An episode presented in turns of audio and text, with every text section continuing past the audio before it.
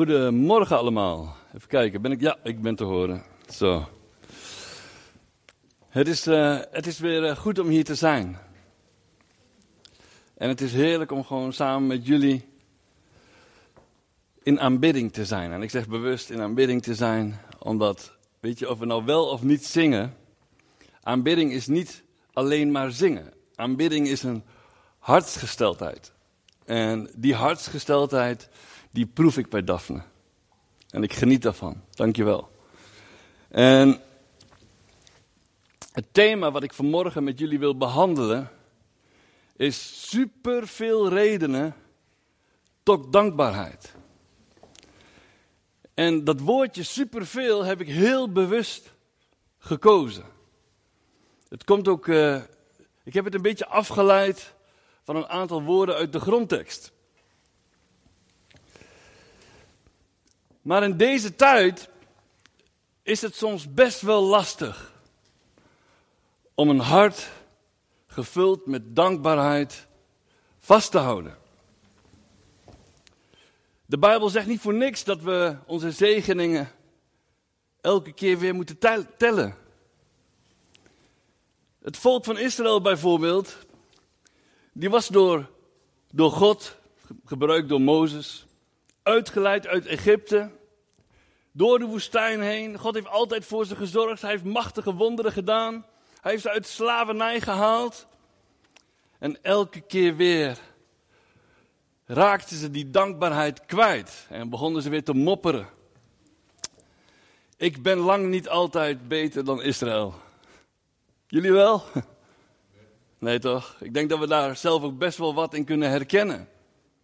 En toch, de Bijbel roept ons op tot dankbaarheid. Zou de Bijbel iets onmogelijks van ons vragen? Ik geloof van niet. Ik geloof dat wanneer Gods woord ons vraagt om iets te doen, dan geeft Hij ook, dan voorziet Hij ook in datgene wat je nodig hebt om het te doen. Amen. Wanneer we het namelijk uit eigen kracht gaan doen, of onszelf proberen aan te leren als gewoonte, ik zal je zeggen, we falen elke keer weer. Toch? Wie is wel eens teleurgesteld in zichzelf? En terecht. en terecht, geheel terecht.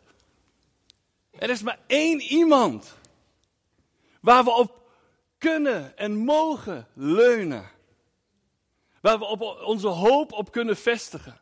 Waar we ons geloof op mogen bouwen. En dat is Jezus. Jezus wil jouw fundament zijn. Jezus wil de bron van dankbaarheid zijn. Jezus wil jouw kracht zijn. Jezus wil jou vullen met liefde, met geduld. Hoe bijzonder is dat? Allemaal dingen die wij van onszelf soms misschien even kunnen opbrengen. Of naar bepaalde personen. maar lang niet altijd naar iedereen.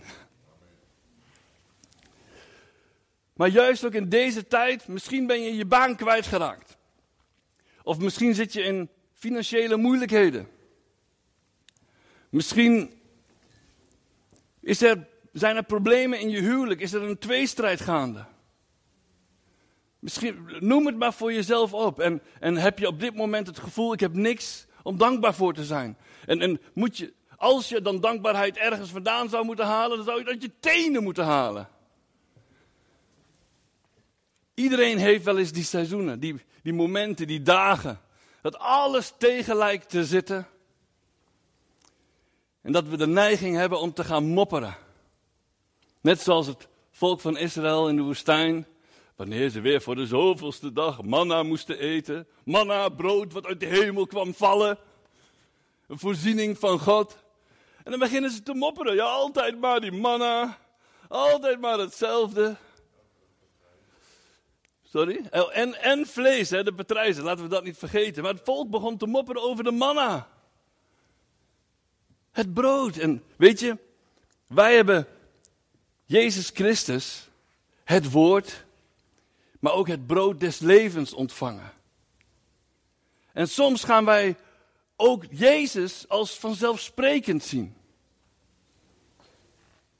Maar weet je, Jezus is nooit en te nimmer vanzelfsprekend. In de zin van, we moeten hem niet, um, don't take him for granted.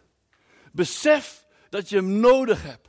Besef dat je niet zonder hem kunt. Besef dat je geen leven hebt zonder hem. In deze tijd zie je ook gewoon onder christenen strijd, discussies, ruzies. En daar is de liefde soms ver in te zoeken. Ik geloof niet dat dat de bedoeling is. Ik geloof niet dat Gods woord ons oproept om ruzie te maken. Verre van. Gods woord roept ons wel om om te stichten. Om te bemoedigen. Om op te bouwen. En soms in de liefde, in de liefde te vermanen. Maar juist ook in zo'n tijd, waarin zoveel strijd gaande is, is het goed om soms even in de spiegel te kijken. Ben ik nog wel dankbaar? Weet je wat het is? Mensen die dankbaar zijn, mensen die beseffen wat ze hebben gekregen. Stel je voor, je hebt voor je verjaardag een prachtig geschenk gekregen. Een, een wens die je altijd al had willen hebben. Weet je, en, en, en daar is het dan, helemaal nieuw. Je pakt het uit en je bent zo blij, je bent zo dankbaar. En weet je, dankbare mensen zijn blije mensen. Dankbare mensen zijn, zijn, um, um, zijn, dank, zijn, zijn gelukkige mensen. En zijn zeker attent. Weet je, wanneer je dankbaar bent, dan uit je dat ook. Wanneer iemand ergens blij mee is, dan word ik daar ook blij van. Toch? Blijdschap en, en dankbaarheid is, kan aanstekelijk werken.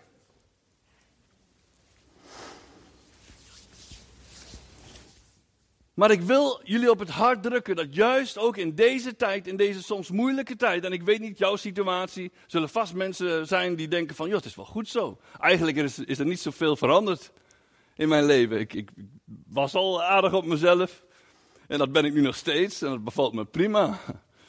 Ja, dat kan ook. Maar ook dan wil ik jou oproepen om dankbaar te blijven. Dankbaar te zijn voor je vrienden, voor je familie, voor je broeders en zusters die God jou gegeven heeft.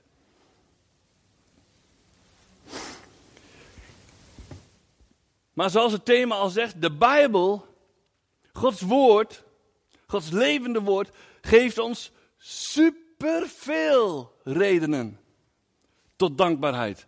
Nou ja, en wat het woord al zegt, ik kan ze niet allemaal gaan opnoemen. Zoveel zijn het er. Dus we gaan vandaag een kleine greep behandelen. En ik wil met jullie gaan naar Efeziërs. Efeziërs hoofdstuk 1.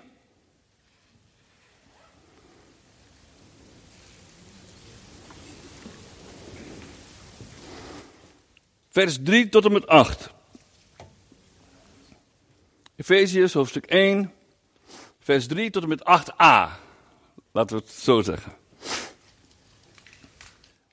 Gezegend zij de God en Vader van onze Heer Jezus Christus. Die ons in de hemelsferen in Christus met talrijke geestelijke zegeningen heeft gezegend. In Christus immers heeft God, voordat de wereld gegrondvest werd, ons vol liefde uitgekozen om voor Hem heilig en zuiver te zijn. En hij heeft ons naar zijn wil en verlangen. Hoe bijzonder om te weten, hè? Jij bent onderdeel van zijn verlangen. God verlangt naar jou. Um, even wachten en verlangen voorbestemd om in Jezus Christus zijn kinderen te worden. Tot eer van de grootheid van Gods genade, ons geschonken in zijn geliefde zoon. In hem zijn wij door zijn bloed verlost en zijn onze zonden vergeven. Dankzij de rijke genade die God ons in overvloed heeft geschonken. In vers 3, daar lezen we dat we in Christus, in de hemelsferen, met talrijke geestelijke zegeningen gezegend zijn. Talrijke. In het Grieks, in de grondtekst, staat daar het woordje pas. En weet je, dat betekent alles in het geheel, compleet, niks uitgezonderd. Dus alles wat van Jezus is, alles in de hemelsferen, alles vanuit de rijkdom van God, vanuit de volle rijkdom van God, is ook voor jou en voor mij. Hoe bijzonder. In Christus, zolang we in Christus blijven, zijn wij met Hem volledig, geheel gezegend met dezelfde zegeningen als Christus. Nou, dat is al een hele grote reden om dankbaar voor te zijn. Toch?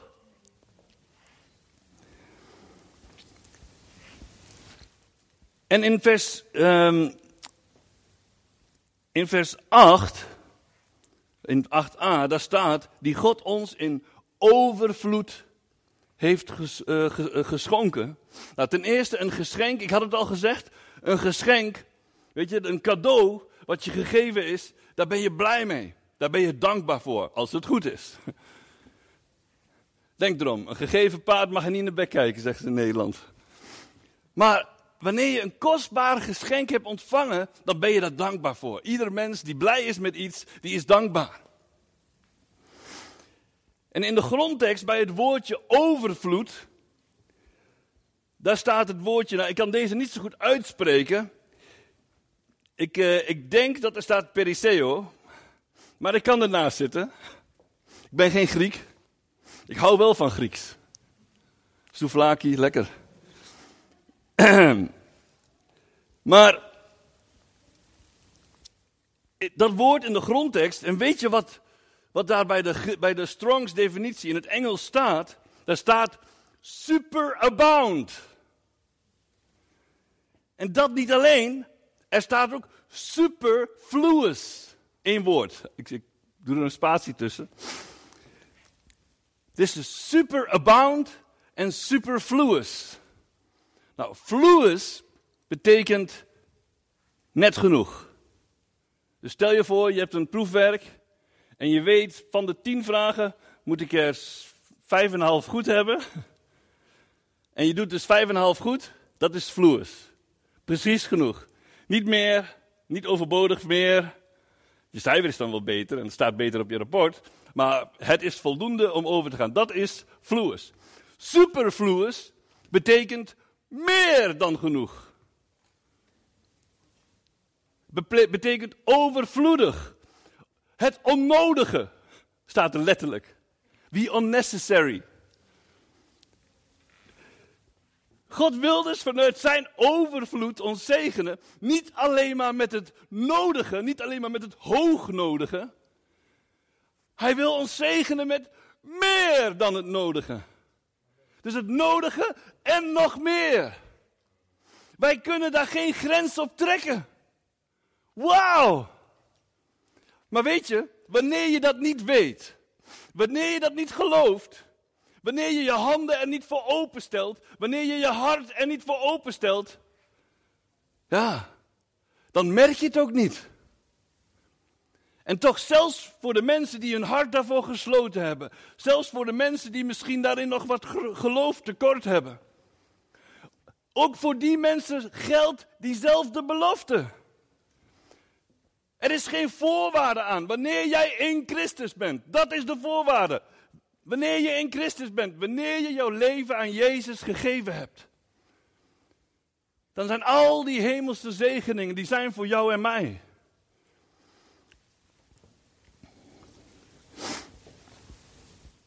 Je kennen allemaal het verhaal wel van de verloren zoon.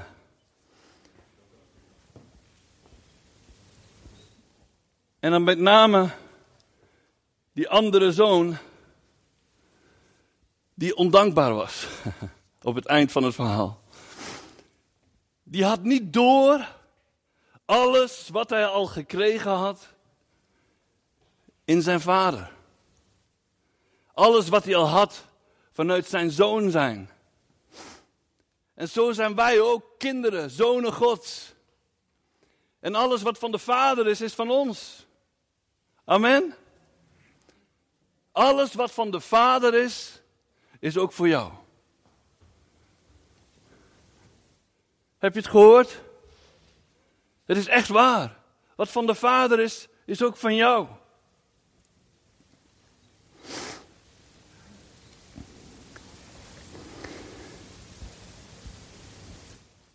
Trouwens, het woordje superabound, een van die andere definities van het woord overvloed. Superabound zegt eigenlijk hetzelfde. Overlopend, meer dan genoeg. Meer dan genoeg ook om uit te delen. Je kunt er meer dan je leven lang over doen. We hebben geen God die gierig is. En in het papiaments, in Curaçao, zeggen ze: Dios nota pichiri. God is niet gierig. God doet niet aan het hoognodige. God doet niet aan beetjes. God doet aan overvloed. En aan meer dan nodig. Amen. Weet je, God verwendt zijn kinderen. Wij hebben het niet verdiend, jongens. Echt niet. Als niemand hier heeft het verdiend. Wij hebben de goedheid en de liefde van God en zijn genade. We hebben het niet verdiend en we konden het ook niet verdienen. Niemand. We hebben allemaal net zoveel redenen van dankbaarheid als, als welke grootste zondaar ook. Ik wil met jullie gaan naar Colossense. Colossense hoofdstuk 3. Ik hou hem even iets dichterbij. Ik heb een beetje te klein lettertype gekozen. Colossense hoofdstuk 3 en we lezen vers 12 tot en met 17. Ik lees deze trouwens even uit de herziene statenvertaling. Dus ik, eh, ik maak even een zijstapje vanaf de MBV. Kleed u zich dan als uitverkorene van God, heilige en geliefden, met innige gevoelens van ontferming, vriendelijkheid, nederigheid, zachtmoedigheid, geduld. Weet je, als je die ruzie soms online ziet, dan uh, ontbreekt dat er soms nog wel eens een beetje aan. Ja, ja ik soms ook. Soms in, in het heetst van een discussie. Maar dat betekent niet dat we ons daarbij moeten neerleggen. Wij als kinderen van God, wij horen dit als standaard te hebben. Wij hebben zoveel redenen om dit als standaard te hebben. Maar kleed u zich dan als uitverkorene van God, heilige en geliefde, met innige gevoelens van ontferming, vriendelijkheid, nederigheid, zachtmoedigheid, geduld. Verdraag elkaar en vergeef de een de ander. Als iemand tegen iemand anders een klacht heeft, zoals ook Christus u vergeven heeft, zo moet u ook doen. En kleed u zich boven alles met de liefde, die de band van de volmaaktheid is. En laat de liefde van God heersen in uw harten.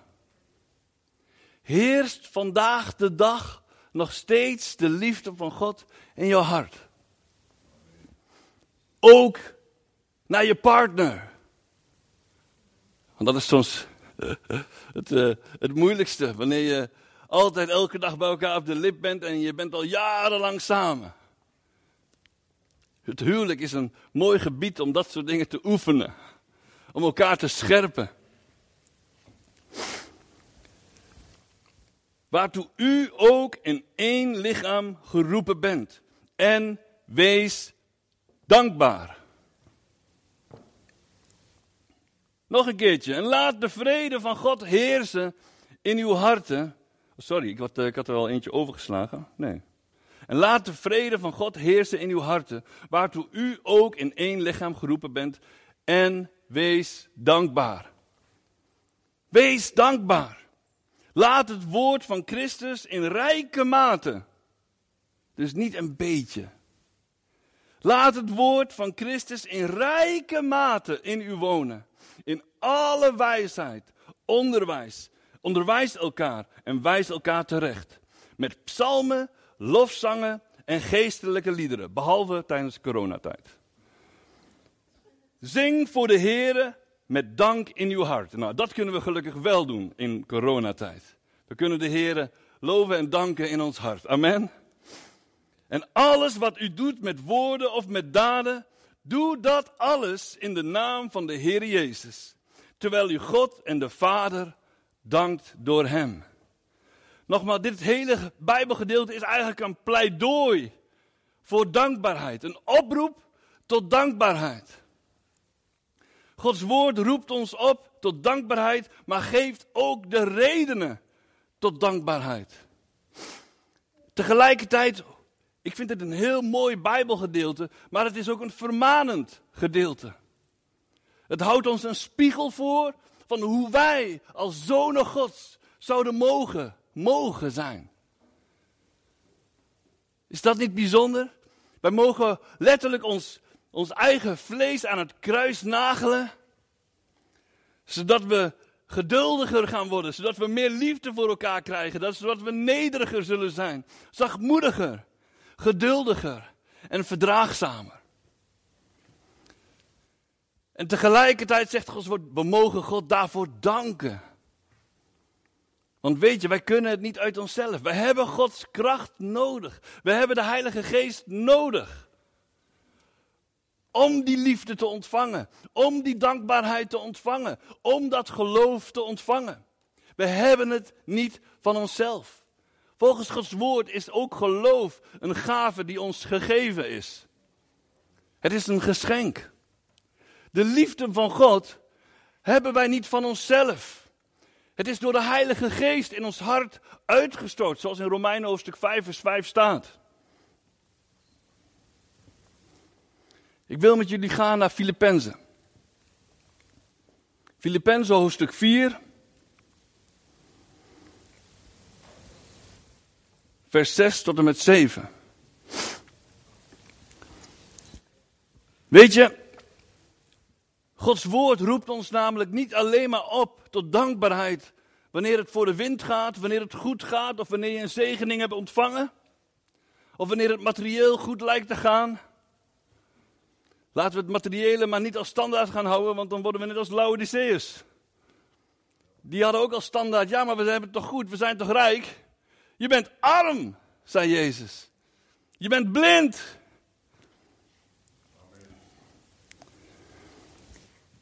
Maar Gods woord roept ons dus op tot dankbaarheid, zelfs wanneer er noden en zorgen zijn. Zelfs wanneer we in de put lijken te zitten. Roept God ons op tot dankbaarheid. In Filippenzen 4, vers 6 tot en met 7, daar staat het volgende. Wees over niets bezorgd. Maar vraag God wat u nodig hebt en dank Hem in al uw gebeden. Wow.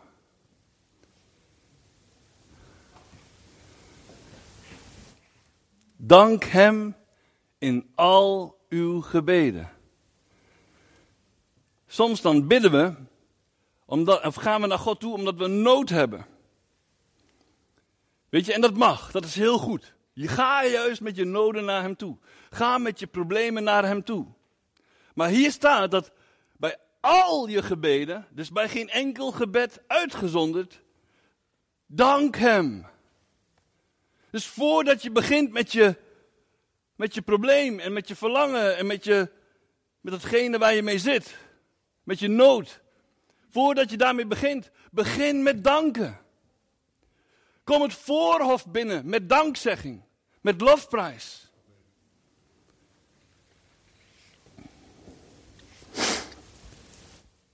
Nogmaals, wees over niets bezorgd, maar vraag God wat u nodig hebt en dank Hem in al uw gebeden. Wat gaat er dan gebeuren? Dan zal de vrede van God, die alle verstand te boven gaat, uw hart en uw gedachten in Christus Jezus bewaren. Wauw, nou dat is al sowieso één sleutel. Wil jij rust en vrede ervaren? Wil jij een vertrouwen ervaren, een rotsvast vertrouwen, een geestelijke rust, een, een vrede die je verstand te boven gaat? Begin met danken in al je gebeden. Weet je, er is ook een eh, verhaal in de Bijbel waarin ook een sleutel te vinden is over, over wat soms dankbaarheid in de weg kan staan. En dit is een hele belangrijke die ik genoemd wil hebben. Weet je wat soms in, het, in de weg kan staan van dankbaarheid? Dat is trots en hoogmoed. Dus wanneer jij naar jezelf kijkt vanmorgen. En je, en je ziet van joh, ik, ik, ik, ik moet erkennen, ik, ik ben niet dankbaar. Ik ervaar die dankbaarheid niet dan wil ik je ook vragen om je hart te onderzoeken. Zit er misschien nog een stukje trots of hoogmoed in de weg? Ik wil met jullie gaan naar twee kronieken. Twee kronieken, hoofdstuk 32.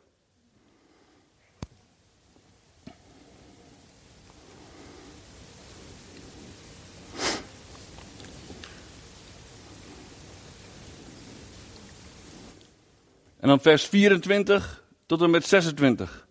Dus 2 Kronieken hoofdstuk 32, vers 24 tot en met 26.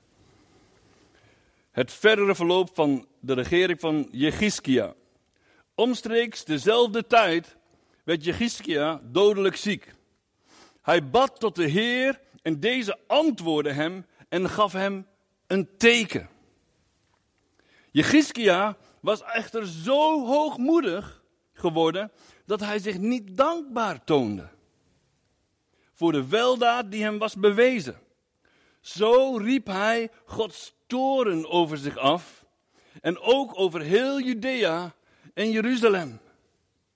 Maar omdat Jegiskia het hoofd uiteindelijk boog en zijn trots liet varen, en de, en de inwoners van Jeruzalem met hem, heeft de toren van de Heer hun niet getroffen zolang Jegiskia leefde.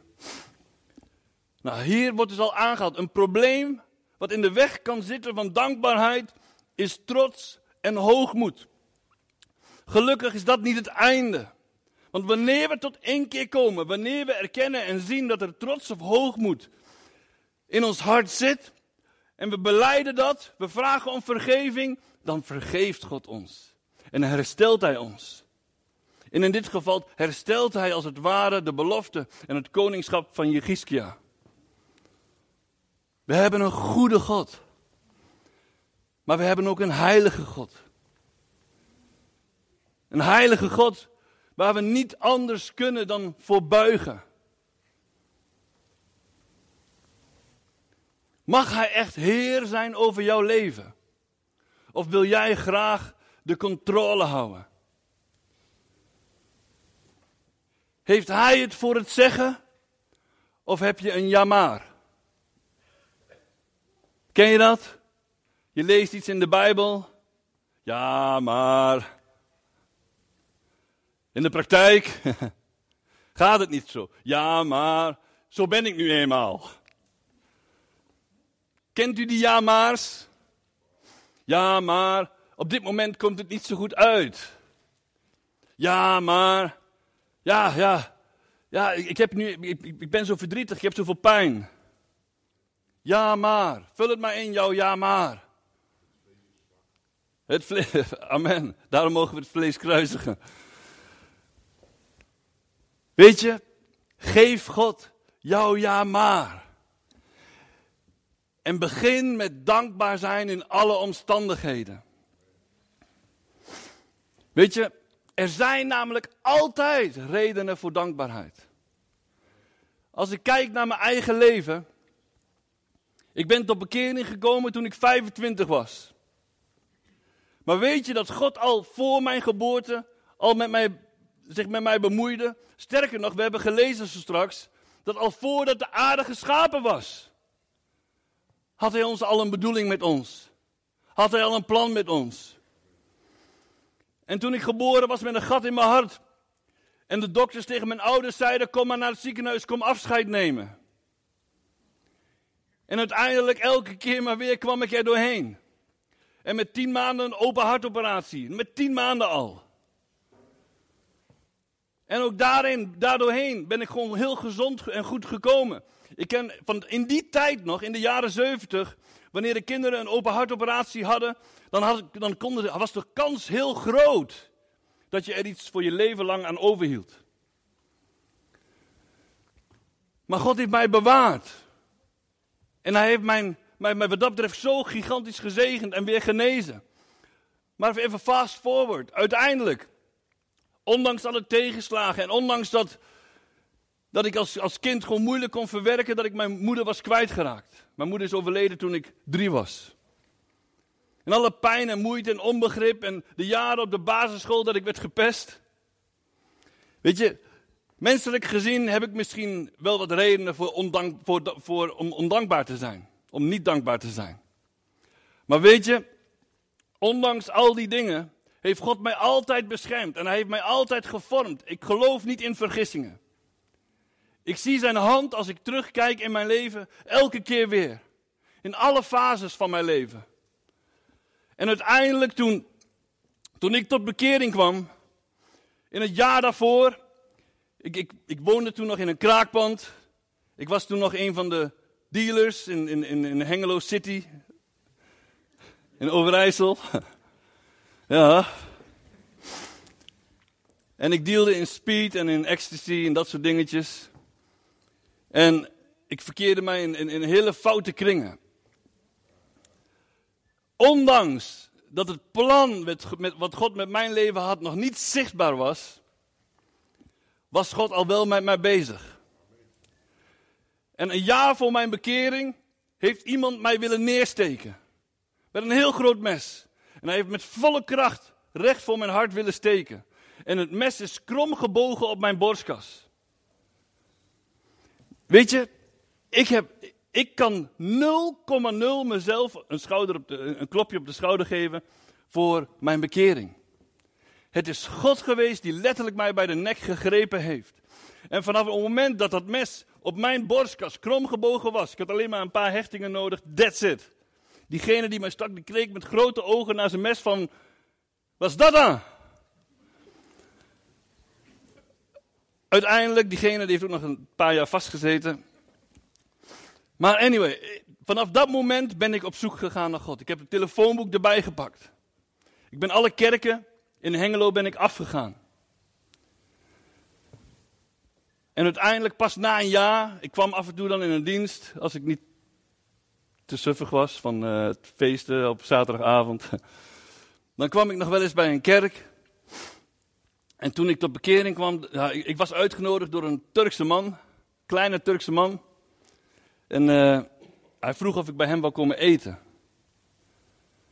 En ik zei, van, ah, gratis maaltijd. Ik zat in de schuldsanering, dus... Uh, en voor die tijd had ik nog een dikke toeter gedraaid. Dus ik dacht van, dan ga ik er wat relaxer naartoe. Dan kan ik wat makkelijker al die preken incasseren. Dus ik kwam daar. En ik ging daar zitten. En ze begonnen helemaal niet tegen mij te preken. En ze begonnen ook niet gelijk van, oh, mogen we met je bidden? Nee. En uh, ook geen Bijbel en geen teksten tegen mijn hoofd aansmijten. Niks van dat alles. Het enige wat ze deden was luisteren. Luisteren naar mijn verhaal. Weet je, en ik voelde mij zo gehoord en ik voelde mij zo gezien. Weet je, daar waar ik in de wereld werd uitgekotst, daar waar zelfs toen ik aangifte deed, werd ik behandeld als de crimineel. Vanwege dat neersteken, ja, was ik ook. En ze wisten, ik wist dat de politie mij toen al een tijdje aan het monitoren was. Ik ben op, op het juiste moment eruit gestapt. Maar bij degene thuis, ik voelde mij gehoord, ik voelde mij gezien. En ik heb mijn hele levensverhaal kunnen vertellen. En uiteindelijk, we hadden gegeten, we hadden lekker gegeten. En toen zeiden ze, kom, we gaan, uh, we gaan televisie kijken. Ik zei, televisie kijken, ja, is prima. Ja, ik heb een mooie preek opgenomen, op videoband. En terwijl ik die preek aan, en ik dacht van, ja, weet je, kom erop met die zoveelste preek.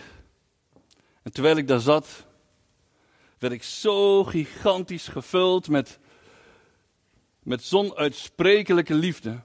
Met zonuitsprekelijke kracht. En ik voelde mij zo geliefd. Zo welkom, zo aangenomen. Vanaf dat moment ben ik nooit meer dezelfde geweest. En dat is niet uit eigen kracht geweest. Ik ging naar huis, ik stond in de fik, man. Ik, ik, begon te zweten, ik kon niet meer ophouden met praten. Ik kwam thuis, ik gooide alles wat met drugs te maken had. Alles ging de container in. Mijn pakje sec. Ik wou er nog eentje roken. En ik dacht nog van ja, zonde om weg te gooien. Ik zit in de schuldsanering, ik heb geld voor betaald. En ik hoorde een stem die tegen mij zegt: Jos Samuel, het is zonde om het op te roken, want je betaalt ervoor om ziek te worden. Ik dacht ja, er zit ook wel wat logisch in, hè. Toen, wat heb ik gedaan? Ik ken mezelf. Ik pak het pakje check onder de kraan. Ja, onder de kraan ermee. Want anders dan na een uurtje haal ik hem weer uit de prullenbak. Ik ken mezelf. Ik heb heel vaak geprobeerd te stoppen. Lukte maar nooit. Maar weet je, vanaf die dag ben ik nooit meer dezelfde geweest. En dat is niet vanwege een, een eigen wilsbesluit geweest. Dat is niet vanwege eigen verdiensten geweest. Ik was een boef. Volgens Gods woord, volgens zijn maatstaven, hoorde ik veroordeeld te worden. Volgens Gods woord zou ik verloren zijn. Mijn oude leven is niks om trots op te zijn. Maar weet je, Gods woord zegt: wie veel is vergeven, betoont veel liefde. Weet je, misschien, weet je, in de Bijbel zijn twee soorten mensen die heel moeilijk Gods koninkrijk binnen kunnen gaan. Die heel moeilijk Gods genade kunnen ontvangen. En dat zijn de religieuze mensen en de rijke mensen. Zoek maar op in Gods woord. Mensen die denken dat ze zelf wel goed zijn. Joh, die zijn helemaal niet goed. De Heer Jezus noemt een, een, een graven van buiten wit gekalkt. Je ziet aan de buitenkant mooi uit, maar aan de binnenkant is het niks dan dood en verderf. En dan ben je misschien geen boef. Maar je bent zo religieus en zo dood als de pest.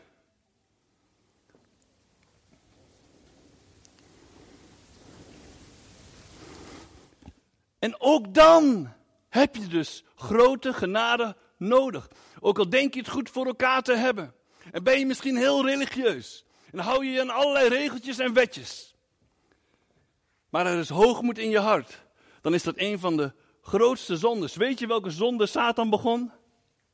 Hoogmoed. Hoogmoed was de eerste zonde. Satan wou boven God uitstijgen. Hij wou boven God zijn. Hij vond zichzelf heel wat. Dus misschien heb je niet zo'n boevenverleden als ik. Maar ook jij, wij allemaal, verdienen Gods genade niet. Ook wij allemaal hebben heel veel redenen dus om dankbaar te zijn voor die genade en voor die liefde.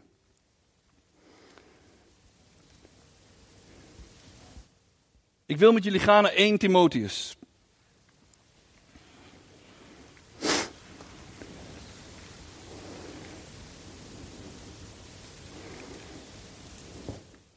1 Timotheus hoofdstuk 1, vers 12 tot en met 14.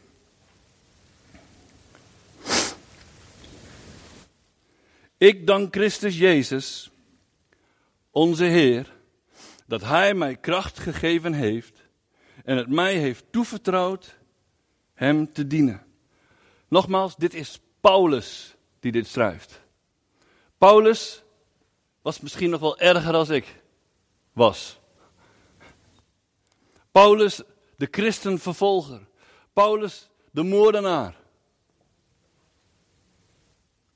Paulus, die toen hij nog Saulus heette, de christenen vervolgde. Hij was een onderdeel van de antichrist. En zelfs hij werd door God bij de kraag gegrepen. En bij hem zei God tot hier en niet verder. Dus dit schrijft Paulus. Ik dank Christus Jezus onze Heer dat Hij mij kracht gegeven heeft en het mij heeft toevertrouwd Hem te dienen. Weet je, als God het Paulus kon toevertrouwen, wil Hij het jou ook toevertrouwen. Amen. Hij wil het ons toevertrouwen om Hem te dienen. En hoewel ik Hem vroeger heb bespot, vervolgd en beschimpt, toch heeft Hij mij over mij ontfermd. Omdat ik door mijn ongeloof niet wist wat ik deed. Onze Heer heeft mij zijn genade in overvloed geschonken. Superabound, superfluous, meer dan genoeg. Niet alleen maar het nodige, maar nog veel meer. Evenals het geloof. Ja, evenals het geloof. Dus ook al, weet je misschien, hé, hey, ik, ik, ik heb veel geloof. Nou, je hoeft jezelf geen klopje op de schouders te geven, want je hebt het gekregen. Je doet het niet uit eigen kracht. Evenals het geloof en de liefde die we in Christus Jezus bezitten. Ik ga even wat sneller. We gaan naar Hebreeën, hoofdstuk 12. Vers 28 en 29. Laten we daarom het onwankelbare koninkrijk. Wist je dat? Ook al kan de wereld gaan wankelen, en dat lijkt nu zo in deze tijd. Ook al kan de wereld gaan wankelen en ook al lijkt alles vergankelijk, maar Gods koninkrijk is onwankelbaar. Laten we daarom het onwankelbare koninkrijk in dankbaarheid aannemen. We kunnen niet binnengaan door verdiensten, door wie we zijn, maar puur en alleen door dankbaarheid. Om God zo te dienen dat Hij er behagen in schept, met eerbied en ontzag. Onze God is een verterend vuur. Broeders en zusters, laten we met dankbaarheid Gods koninkrijk aannemen. En laten we vanuit dankbaarheid elkaar gaan dienen. Met een dankbaar hart. Dankbaarheid, ben ik achtergekomen, is een levenswijze. Gods koninkrijk is een levenswijze. We mogen daarin gaan. We mogen daar, van daaruit leven.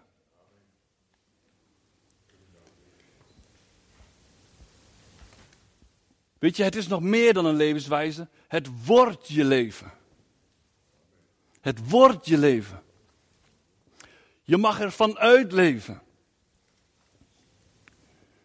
En weet je, wanneer we zo gaan leven, wanneer we zo gaan wandelen met Jezus, vanuit die dankbaarheid en vanuit zijn koninkrijk, man, dan zijn we een volk die God eert en aanbidt. Dat is een levenswijze vanuit aanbidding. Ik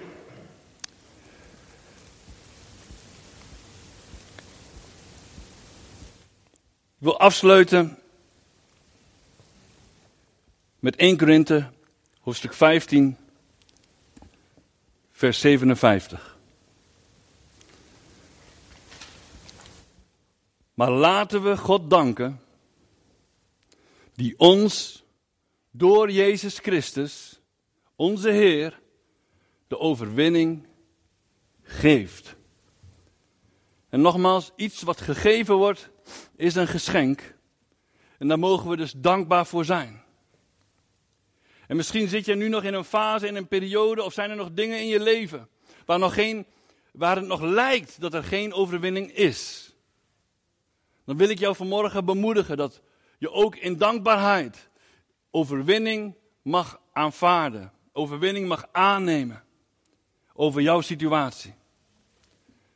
Begin de Heer te danken voor de overwinning over jouw problemen. Begin, te, begin de Heer te danken voor overwinning over jouw huwelijksproblemen. Begin de Heer te danken voor overwinning op jouw financieel gebied. Hij heeft het jou gegeven. En hij wil jou vanuit zijn overvloed schenken wat je nodig hebt en veel meer. Ik heb alle redenen tot dankbaar zijn. Ik heb jullie bewust even een kort verhaal verteld van waar ik vandaan kom en wat God heeft gedaan in mijn leven. En dat is iets wat God heeft gedaan. Dat is niet door mijn eigen verdiensten. Helemaal niet. 0,0. En ik sta hier vandaag als een dankbaar mens. Voor wat God heeft gedaan in mijn leven. En zo mogen wij als gemeente ook dankbaar zijn. Voor wat God heeft gedaan in onze gemeente. Yes?